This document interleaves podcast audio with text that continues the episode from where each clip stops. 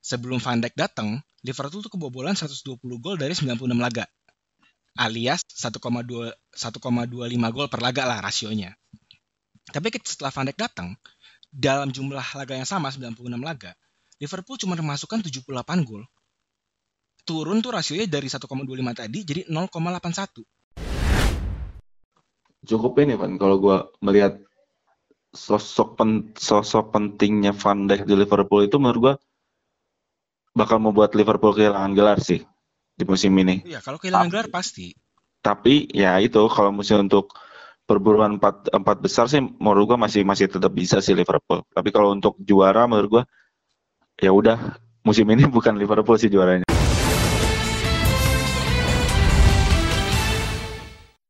Kembali lagi di Super Soccer Podcast. Bertemu bersama gue lagi Rifki Rada dan juga Evan Simon. Halo, halo. Ini kita udah masukin episode 34. 34, betul. Lu ngulang-ngulangin kata-kata gue mulu, Van, perasaan.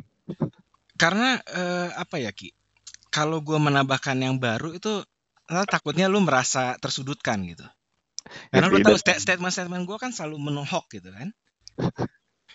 ya enggak gitu. Atau atau justru lu maunya gue ngelawan gitu. Oh bukan Ki, ini episode 35 kan juga salah. Iya emang salah kalau Iya, lu makanya. Aduh. Udah aja, jangan banyak protes. Mending kita langsung masuk ke topik pembicaraan kita yang menurut gue eh, panas. Eh, panas dan rame juga sih. Hmm, Selain betul. mungkin cukup dibahas lah be- dalam beberapa hari ini. Setelah kan minggu lalu ya itu masuk game week 4 ya. Eh Hmm. game week Lima, lima. 3 Premier Inggris selain hasil-hasil hasil pertandingan yang cukup nge- mengejutkan di beberapa laga. Tapi menurut gue yang paling apa ya yang paling cukup jadi perhatian sih cederanya Van Dijk sih Van. betul. Karena kayaknya kalau gua nggak salah inget ya, eh, tidak ada pemain sekaliber Van Dijk ini yang cedera parah dalam berapa tahun terakhir. Eh, Coba diinget. iya betul. Yang yang maksudnya cederanya sampai segini ya. Maksud gua kayak taruhlah misalnya salah 2018 itu kan nggak nggak sampai selama ini.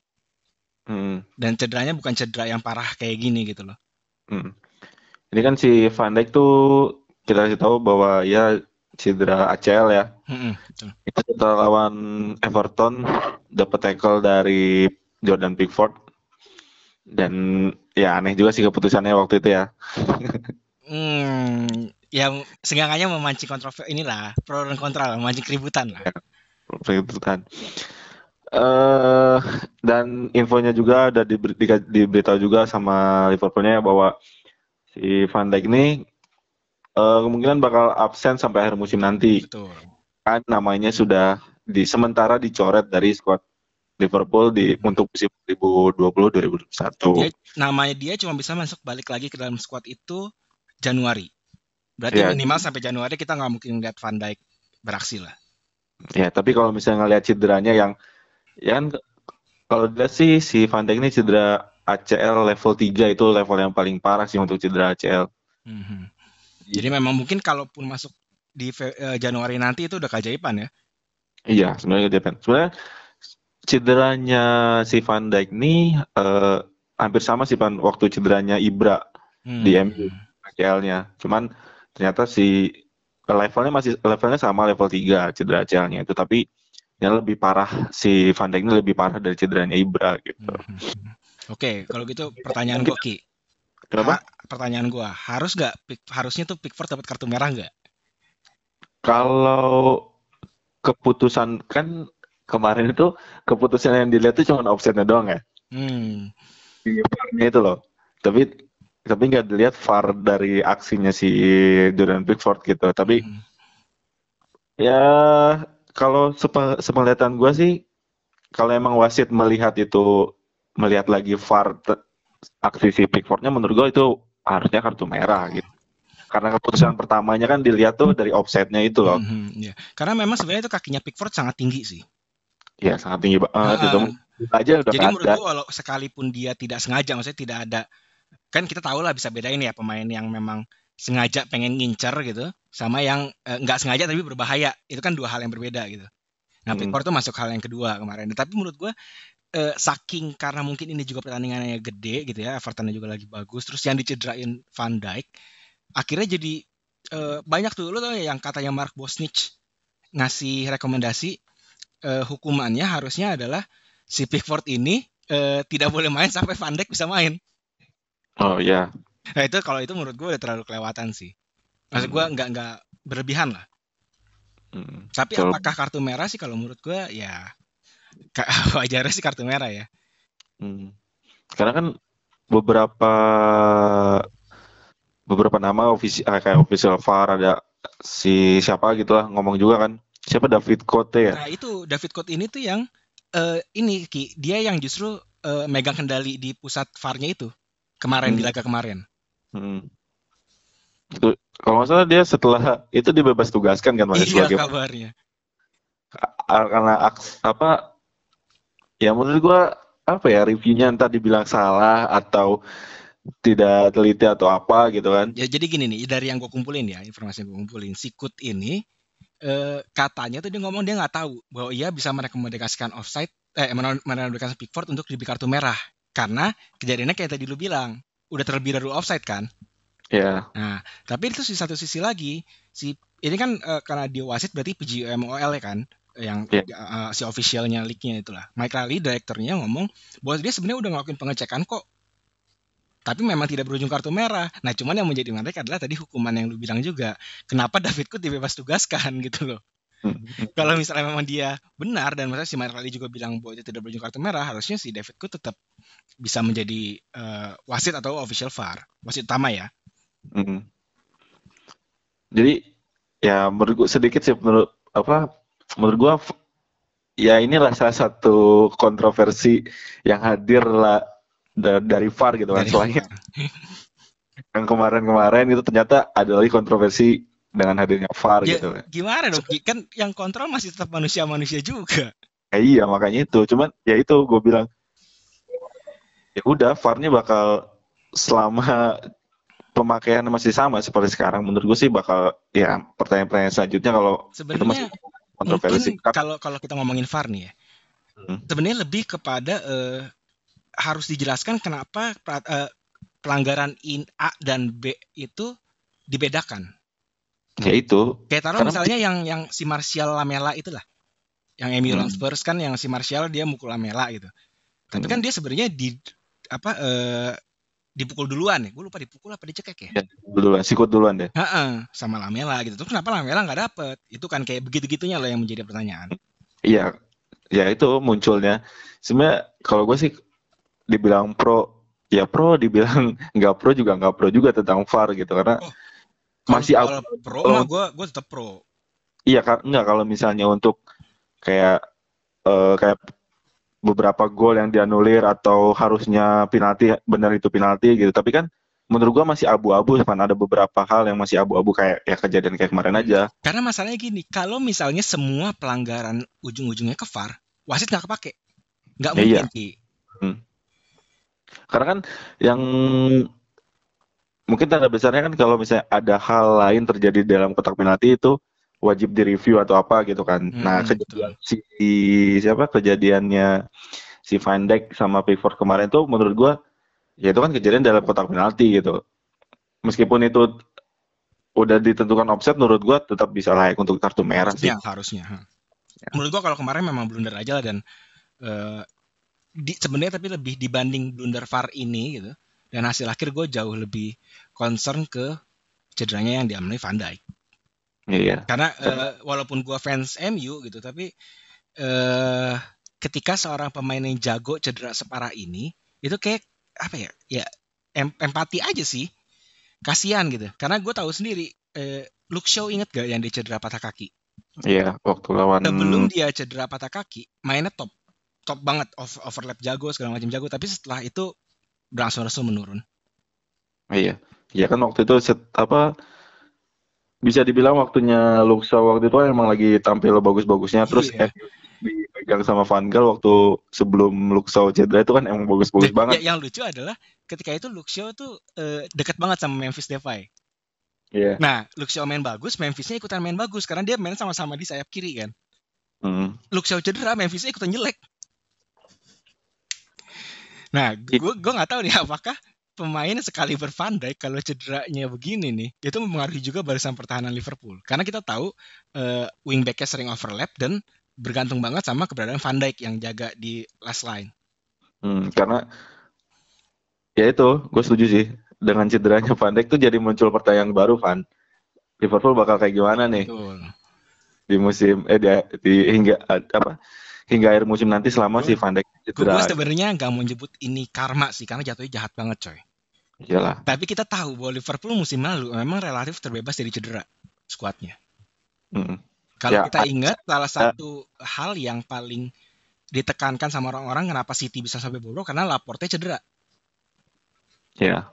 Nah, apa kayaknya nih kemungkinan besar Liverpool bisa mengalami hal yang sama seperti City.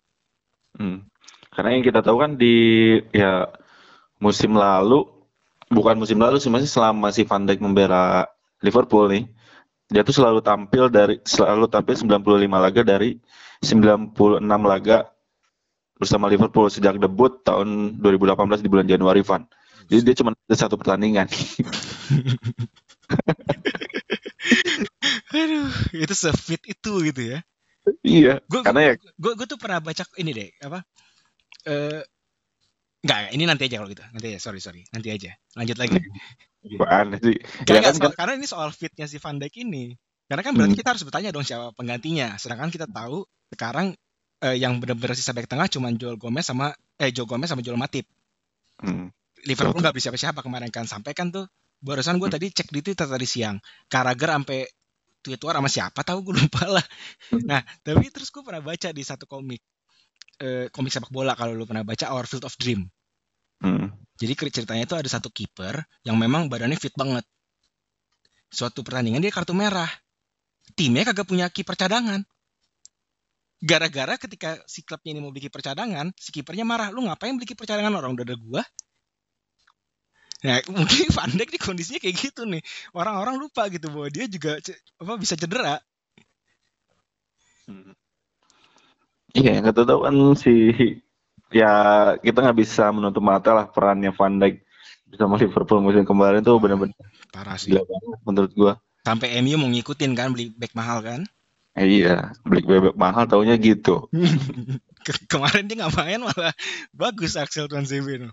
Ya kalau misalnya lihat dari strat strateginya Liverpool musim lalu mungkin kalau misalnya kita perhatikan perannya Van Dijk itu bukan hanya ketika dalam bertahan aja kan. Dia hmm, beberapa kali juga gol ketika bola corner, terus ngasih assist juga bahkan dari corner dia juga. Terus bola awal ketika Liverpool uh, dari awal nyerang serangan tuh kalau kita perhatikan bola tuh selalu ke Van Dijk dulu. Bahkan Van Dijk tuh bisa langsung long ball ke depan gitu kan beberapa hmm. bola mengarah ke Mane atau Salah atau Firmino di depan itu bahkan jadi peluang. Mungkin peran yang Van Dijk di Liverpool musim lalu itu sama kayak perannya Rio Ferdinand di MU. Di MU dulu. Ya. Hmm. Hmm, ya masuk akal sih ya buktinya sekarang dia musim lalu itu musim lalu doang nih ya dia selalu jadi starter nggak pernah diganti iya sekrusial itu gitu loh maksud gue kayak lu kalau udah menang gede, kita tahu Liverpool musim lalu berapa kali menang gede kan ya lu hmm. ganti kayak apa kayak kagak sama klub tetap dimainin terus hmm. jadi menurut gue kehadiran dia juga ini di luar uh, mungkin kalau kita lihat statistik ya udah jelas gitu kan. Sebelum Van Dijk datang Liverpool tuh kebobolan 120 gol dari 96 laga.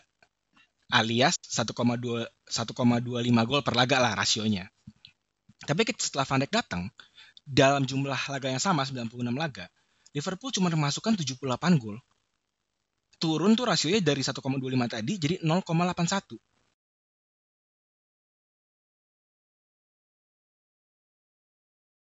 Jadi menurut gue impactnya memang sangat luar biasa. Tapi di luar itu Ki, uh, menurut gue juga Van Dijk ini menjadi pemimpin secara tidak langsung kan? Iya, dia kan dia, kapten kedua ya. Ha, menjadi komando lah gitu loh. Nah, menurut gue ini juga kehila menjadi kehilangan yang sangat uh, jadi jadinya lebih berasanya double lah gitu. Hmm. Ibaratnya kalau misalnya uh, taruhlah yang cedera, siapa sih pemain yang kurang vokal di Liverpool? Ya kayak Wijnaldum lah, terus enggak Robertson atau apa gitu. Iya kan, jadi maksud gue masih ada penggantinya mungkin masih bisa gitu. Mungkin memang tidak sebagus si pemain intinya gitu, tapi seenggaknya kan secara kepribadian itu kan hal-hal yang memang tidak bisa dihitung ya. Iya. Tapi tapi kadang-kadang bahkan pentingnya itu justru lebih lebih ini lagi lebih lebih berasa dibanding hal-hal yang ada di statistik. Hmm. Ya kurang lebih seperti itulah menurut. Iya. Jadi patut di- patut dinanti sih bagaimana Hmm. Liverpool bakal menyelesaikan musim musim ini. hmm. tanpa seorang Van Dijk Iya, gitu. Ya, tapi kan ya, mungkin nanti di menurut gua di Januari nanti bakal ada Liverpool bakal datangin pemain pemain baru sih. iya, menurut gua menurut gua wajib sih apalagi dia kemarin kan sebenarnya relatif berhemat ya Iya. Dan dan Karena- mereka tuh feeling gua ya, mereka bakal ngejual Wijnaldum kalau memang butuh duit. Wijnaldum kontrak bakal habis akhir tahun. Eh, belum ada perpanjangan kontrak, otomatis eh, pertengahan tahun ini harus dijual kan kalau nggak mau lepas gratis. Iya. Iya bisa jadi sih. Dan kita tahu Barca udah ngincer lama. Hmm. Dan mungkin duit itu dipakai buat nanti eh, beli back baru. Hmm. Mungkin yang kita nanti sih eh akhir pekan ini ya. Betul. Sebenarnya apa itu kayak pembuktian semacam pembuktian pertama lah ya. Ya, semacam pembuktian pertama Liverpool tanpa Van Dijk meski, hmm. meski tengah pekan ini kan mereka bermain di Liga Champion. Ya betul. Yang Tapi- ketika kita rekaman ini belum main ya. Ya, tapi yang yang jadi bisa kita diperlukan mungkin di Premier League aja ya. Karena Hmm, hmm. itu akhir pekan ini Liverpool bakal ketemu lawan bertemu dengan Sheffield United. Betul. Ini jadi sedikit pertaruhan, bukan pertaruhan, ya pertaruhan dan pembuktian sih. Karena yang kita tahu Liverpool udah kehilangan ber- udah kehilangan lima poin berarti di dua pekan terakhir. Hmm, Karena dan, dan gini Ki, eh, tadi apa yang lima poin ya? ya kehilangan lima poin Hmm. dari dua pekan terakhir kan. Harusnya Hmm. menang, harusnya menurut gua lawan Aston Villa sama Everton gitu kan. Dan lima poin itu kalau lu tahu ya, sebenarnya kalau dibanding musim lalu, dia baru kehilangan lima poin itu pas pekan ke-28. Iya. Eh, jadi se- seri sama MU terus kalah sama Watford. Hmm. Tapi sekarang lima itu udah lima lima apa baru lima lima pertandingan udah kehilangan lima poin sih menurut gua cukup sebenarnya menjadi apa ya? Eh mungkin alarm, bener alarm. Iya, sinyal bahaya. Ha-ha, apalagi ditambah terus Van Dijk cedera. Dan ini kalau lu tahu sebenarnya gue sepakat sama lu kalau lawan Sheffield ini jadi pembuktian. Kenapa? Karena Sheffield ini tidak seperti musim lalu.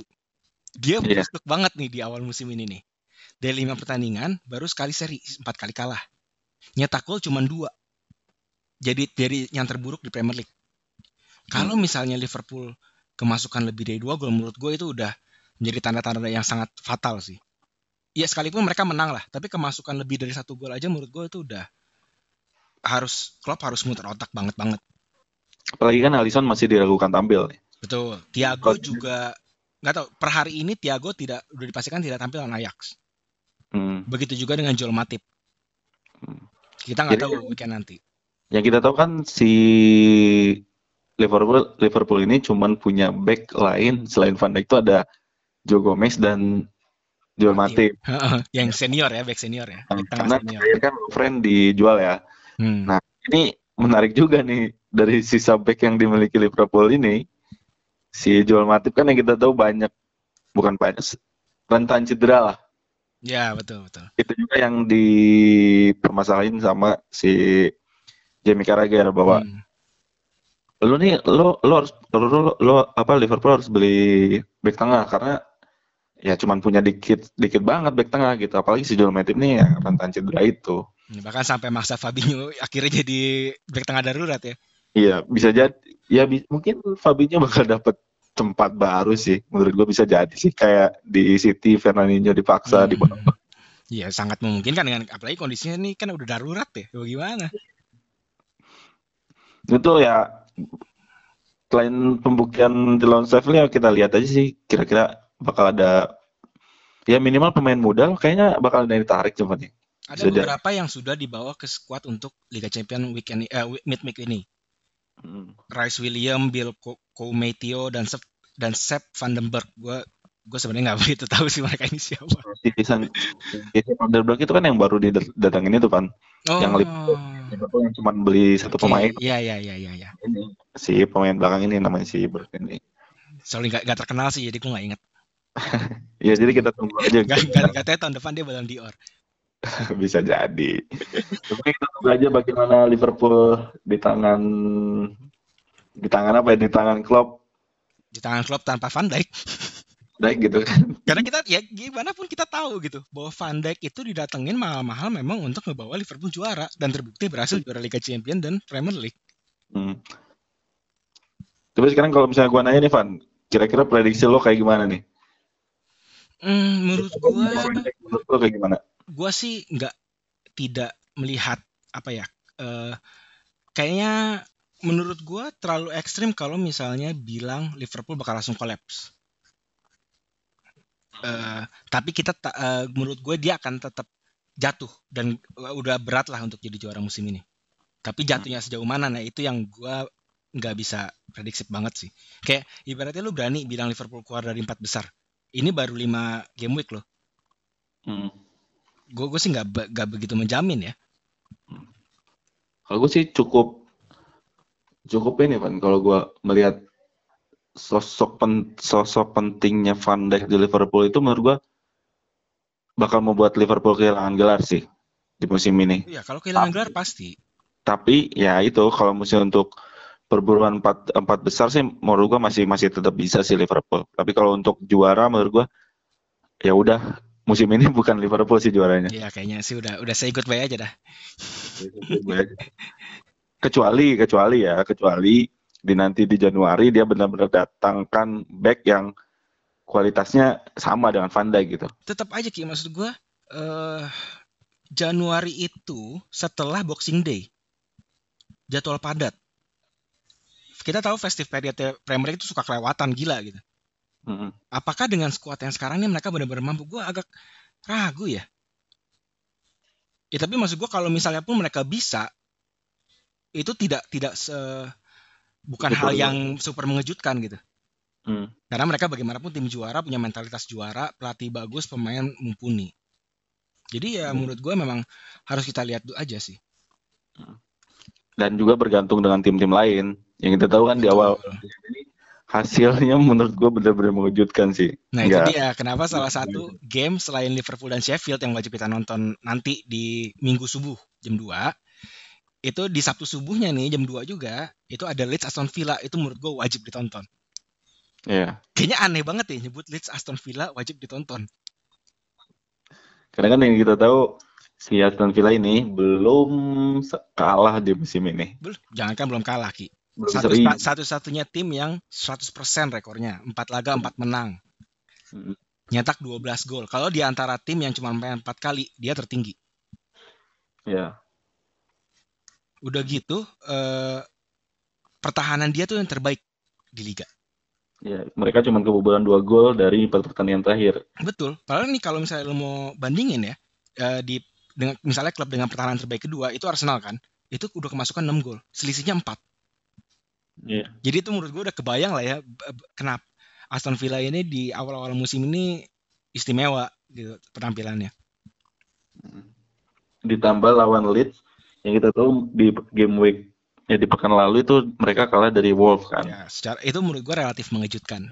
Iya, karena ya kita tahu Leeds itu benar-benar jadi omongan baru sih di musim ini kayak Iya. Itu banyak menjagokan Leeds gitu meskipun mereka tim promosi dengan gaya bermain mereka jadi orang orang-orang tuh mikir wah Leeds bakal jadi tim mengejutkan nih Iya. lawan lawan tim yang kayak Wolves kayak gitu harusnya sih mereka bisa menang Ah, harusnya. dan dan kan maksud gue eh, hype-nya itu tinggi banget. Maksudnya ketika dia kan ini kalah dua kali nih kemarin lawan Wolves.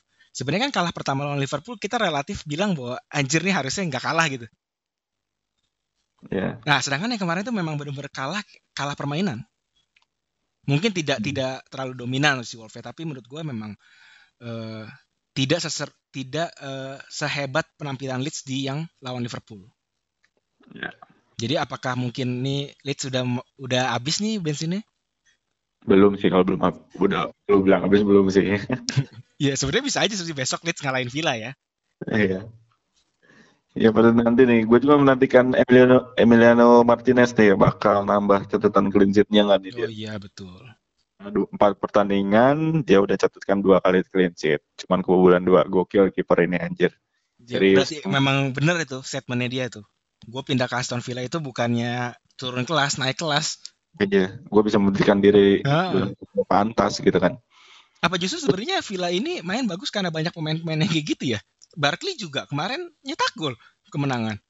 Iya. Dua gol berturut-turut loh. Mm-mm. Betul, betul, betul. Karena menurut gue sih Aston Villa sudah menemukan awal musimnya ya sedikit menemukan bahwa eh, bisa memperbaiki lah.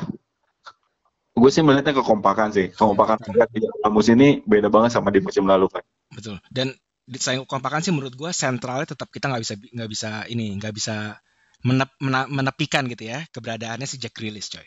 Iya, karena benar-benar gokil tuh empat pertandingan. kemarin main jago banget coy dia. Meski nggak nggak cetak gol sama Nah, ngasih ya. tapi nga- ngatur ngatur temponya, ngalirin bolanya gitu. Benar-benar ini pemain eh, semua satu tim tuh sentralnya di dia. Mm. Dan dia Padahal- tidak mengecewakan gitu sebagai carry gitu kan. Padahal posisi dia kan cuma di wing kiri kan berdiri berdirinya Tapi sebenarnya dia gitu. dapat dia dapat free roll. Iya, dari free roll. Heeh, dan dan maksud gue memang itu sih eh, kehebatan kekompakan Villa itu ketika si Grealish ini apa ke mana-mana gitu ya posisi dia yang kosong tuh bisa diisi sama pemain lain. Hmm. Tuh. Selain ada Leeds sama Aston Villa di Premier League, ada juga pertandingan MU lawan Chelsea. Hmm, betul.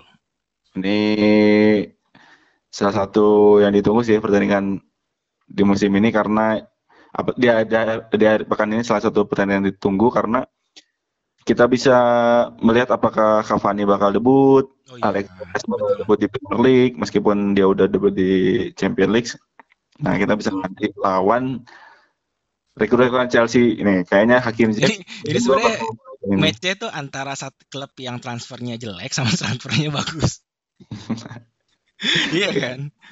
Lu mah pesimis aja tuh Van sama Eh, ini. gua- aduh, gue masih trauma sama transfer kemarin tuh. Keben rasa gendeknya tuh masih, aduh masih berasa gitu sampai sekarang. Ya Hmm. memang sih MU men- apa dua pertandingan terakhir menang dengan memuaskan gitu ya, senang gitu nontonnya. Tapi tetap aja tidak inilah, tidak kalau dibanding Chelsea masih ngiri lah. Mhm. Betul, betul. Tapi si MU kan menang lawan PSG, PSG ya Hmm, semalam. sed- Sedangkan Chelsea seri lawan Sevilla. Iya. Nah, catatan MU ternyata itu eh, mereka menang di 10 laga away tandang terakhir mereka nih, Pak. Hmm. Tapi di laga kandangnya busuk banget nih. Iya, besok kandang lagi. Besok lawannya kan lumayan di kandang lagi lawan Chelsea. Tapi sebenarnya MU punya rekor bagus ya Van lawan Chelsea. Khususnya di, kandang. ya khususnya di Premier League dari lima pertemuan eh, terakhir. eh tiga di antaranya tuh eh, jadi MU itu nggak pernah kalah kan? Hmm, gak pernah kalah dalam lima pertemuan terakhir. Betul sekali. Nah ini jadi tiga di antaranya menang dan musim lalu back to back kita nggak boleh lupa 4-0 di pertandingan pembuka terus 2-0 di Stamford Bridge yang Iya. ketika itu Bruno udah masuk Mm. mungkin kalau nggak ada Bruno kalah kayaknya Hmm, itu Bruno bisa- asis kan asis pertama kali singkat gua Iya. ke Maguire Ya gitu tuh kan rivalitas rivalitas MU sama Chelsea ini ya udah nggak bisa di semenjak datangnya Abramovich ya. nggak bisa di nggak bisa disisihkan lah. Satu duel yang patut dinanti nih. tapi kan kita nggak boleh lupa bahwa Chelsea itu menang di semifinal FA Ya lawan MU ya. Heeh. jadi ya mungkin sebenarnya secara taruhlah secara mental gitu ya ibaratnya ya skuad asuhan Lampard tuh nggak nggak jelek-jelek banget gitu Hmm. Orang dia punya modal kok terakhir bahkan menangnya ngebantai gila. Di apa ya di tai-taiin lah istilahnya kalau kasarnya. ya, sangat menarik sih kalau misalnya MU menang besok tentu kepercayaan diri MU bakal ningkat banget, jauh ningkat karena dia eh, setelah kebantai 6-1 dari Tottenham gitu ya. Sedangkan Chelsea ini kalau misalnya dia kalah atau misalnya seri lah taruh itu menurut gua eh si Lampard bakal dapat sedikit tekanan lah. Ya dapat eh, dapat inilah dapat kanan dari netizen. Hmm. Ya gimana maksud gua lu dikasih duit gede dapat pemain bintang segala macam tapi buktinya sampai sejauh ini masih kurang memuaskan ya. Mhm. Tapi ya gue tuh menunggu MU sih bagaimana Cavani bakal langsung nyetel atau enggak. Alex Telles kemarin Cavani udah- udah nggak main 7 bulan loh. Iya, tapi ya itu makanya kita Feeling gua seandainya pun jadi dimasukin mungkin pemain pengganti kayaknya. Nggak mungkin dari awal. Iya makanya kita kita tunggu nih bagaimana Cavani bersama MU. Hmm. ya laga perdana mungkin gitu kan. Siapa tahu hat trick gitu langsung. ngimpi bro bro. Ngim- ngimpi jangan kejauhan Dia dulu dia bakal duet sama Igalo di depan. Oh iya benar. Ikalo. benar-benar atau mungkin sama si Facundo Felicio? Bisa jadi. Itu jadi. Jangan lupa besok kita nggak ada Martial. Kita. Eh nggak ada Martial ya Martial karena masih menjalani hukuman tiga pertandingan jadi dia nggak main lawan Chelsea ini dan minggu depan nggak bakal main lawan Arsenal Tuh, jadi jangan lewatkan pertandingan MU lawan Chelsea itu disiarkan langsung di Mola TV jam setengah 12 malam hari Sabtu ya. Betul. Di jam yang sama, yang gue bikin gue bingung dari sekarang, dari sekarang aja gue udah bingung. Di jam yang sama tuh ada Dortmund lawan Schalke di Bundesliga, Ki. Hmm. Revier Derby. Nah ini disiarin juga nih di Mola TV Pak. Dan kemungkinan ada penonton kan? Karena Ya. Bundesliga berapa pertandingan terakhir udah ada, udah boleh ada penonton gitu, tergantung kebijakan situasi terkini dan kebijakan kotanya. Hmm. Ya kita tahu kan eh, derby Dortmund lawan Schalke ini disebut apa River Derby ya. Salah satu derby terpanas di sepak bola Eropa. Bahkan itu derby tertua ya bisa dibilangnya. Hmm, betul. Terus ada juga ya kalau misalnya lihat dari hasil 10 pertandingan terakhir, si Dortmund ini menang tiga kali, imbang lima kali, sama Schalke menang dua kali. Ya, jadi sebenarnya imbang lah, derby kan gitu. Cuman kan Schalke punya catatan buruk di musim lalu kan mereka kalah 4-0 ya waktu itu kan setelah Hmm.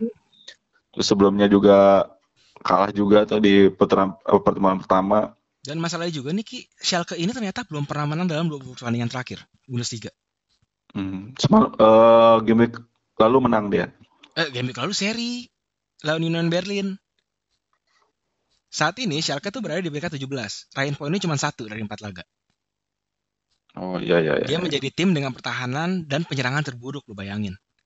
Dia Hmm. kemasukan 16 gol dan cuma mencetak 2 gol. Jadi menurut gua sebenarnya dengan performa kayak gitu tuh, besok harusnya jadi makanan empuknya Halan dong. Bisa jadi.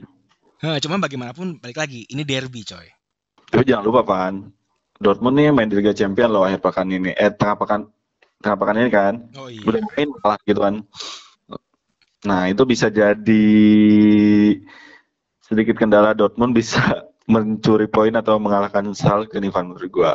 Oh iya. Kalah lagi ya dari Lazio. Iya kalah lagi satu tiga kan kalau Heeh.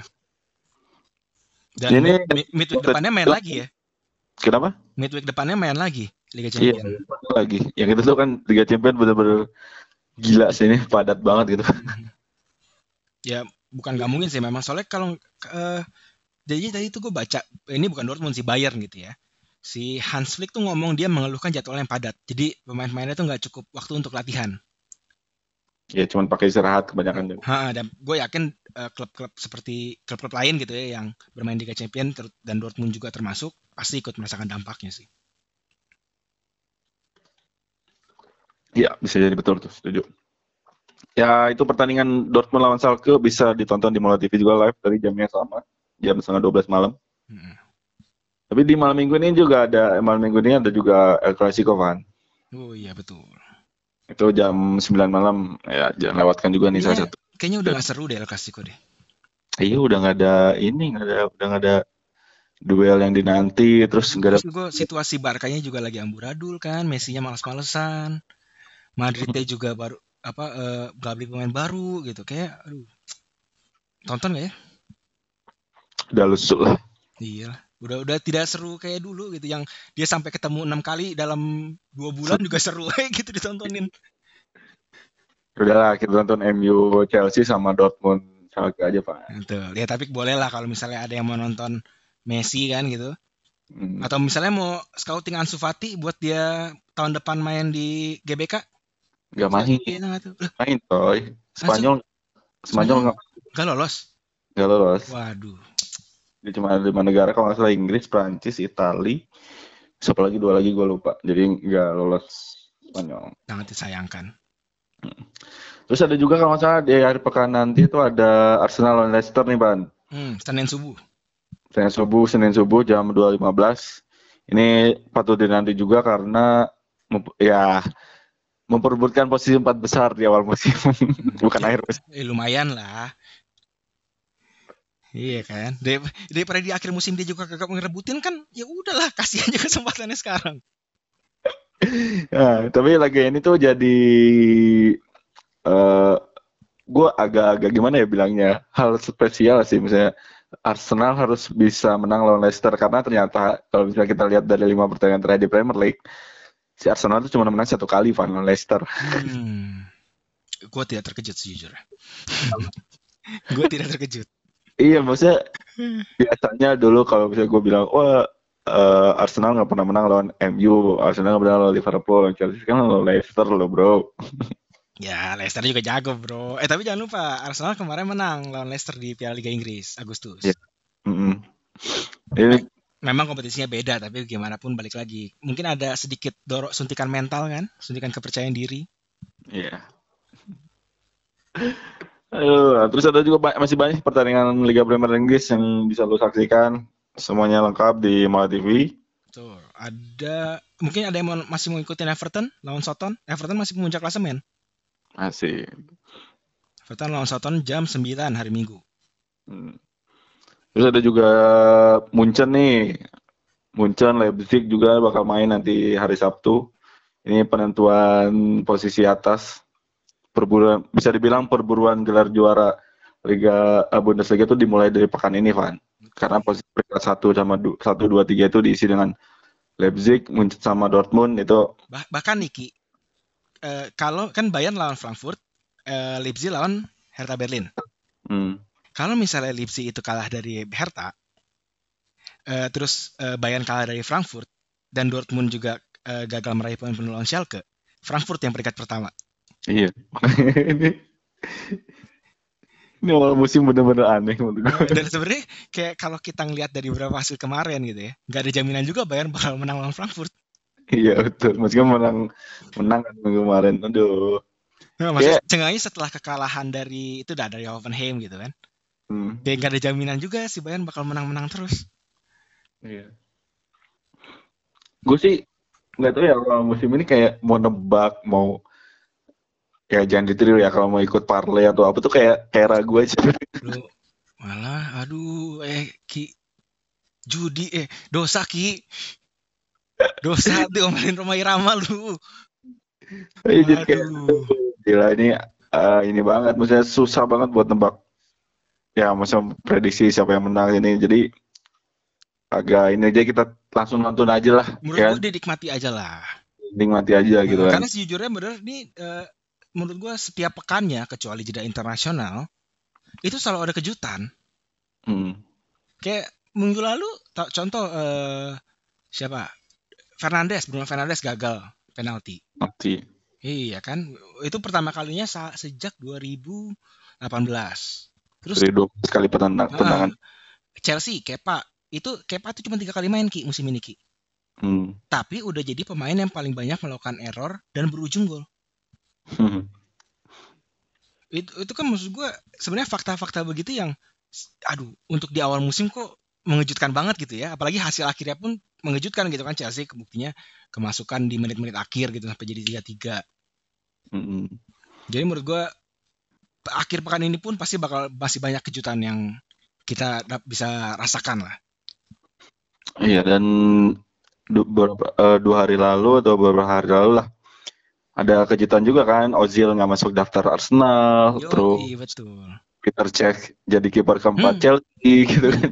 Siapa tahu apa lawan MU maunya kiper berpengalaman kan cek yang main iya. Mendy Mendy masih belum pengalaman kalau big match.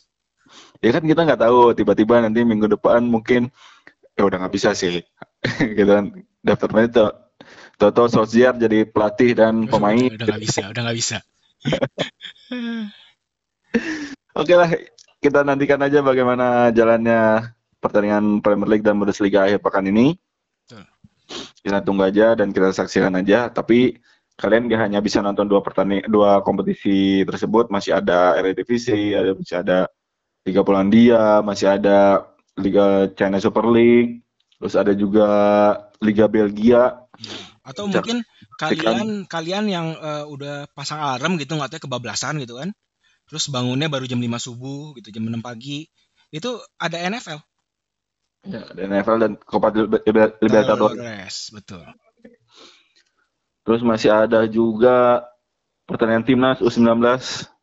Betul, masih ada. akan race di Kroasia dan disiarkan langsung pertandingannya oleh Mulai TV. Tinggal download aja aplikasi Mulai TV mulai dari sekarang. Dan pilih paket langganan yang murah kok cuma 65.000 per bulan atau kalau misalnya mau satu tahun atau satu musim itu cuma 500.000. Gila murah banget itu anjir. Hmm. Oke. Okay. Cukup Van ya? Cukup. Sampai ketemu lagi minggu depan. Semoga di minggu depan bahasannya bukan pemain cedera lagi lah. Kasihan. Ya, bahasnya MU lah. Bahasnya MU lagi, Van. Aduh. Tenangan depan Keseringan, keseringan gitu. Gak boleh okay. gitu. Kita kita harus bagi yang ke yang lain-lain lah. Oke, okay, siap. Oke, okay, thank you, Van. Sampai okay, ketemu lagi. Sampai ketemu. Bye-bye. Bye.